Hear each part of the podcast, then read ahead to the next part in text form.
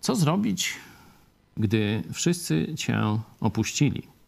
Być może boisz się takiego scenariusza.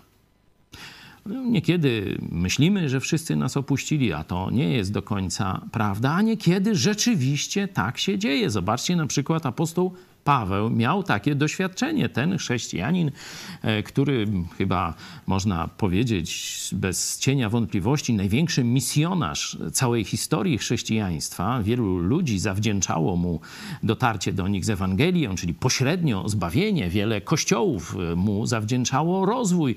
Całe krainy, jak na przykład Azja e, w dzisiejszej Turcji, zawdzięczały mu dotarcie z Ewangelią.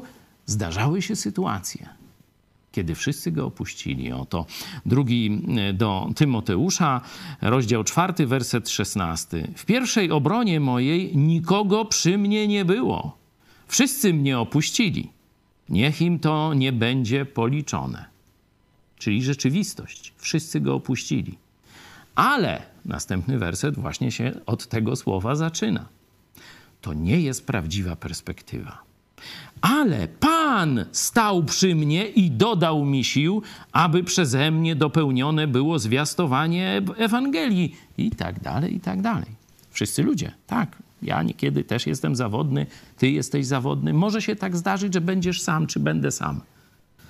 Ale On nigdy nas nie opuści obietnica, taka już w pełni e, dotycząca tego, że Jezus nas nigdy nie opuści, znajduje się w liście do Hebrajczyków, 13 rozdział, werset 5. Tam była sytuacja apostoła Pawła, jego przykład, a tu jest obietnica Jezusa do ciebie i do mnie.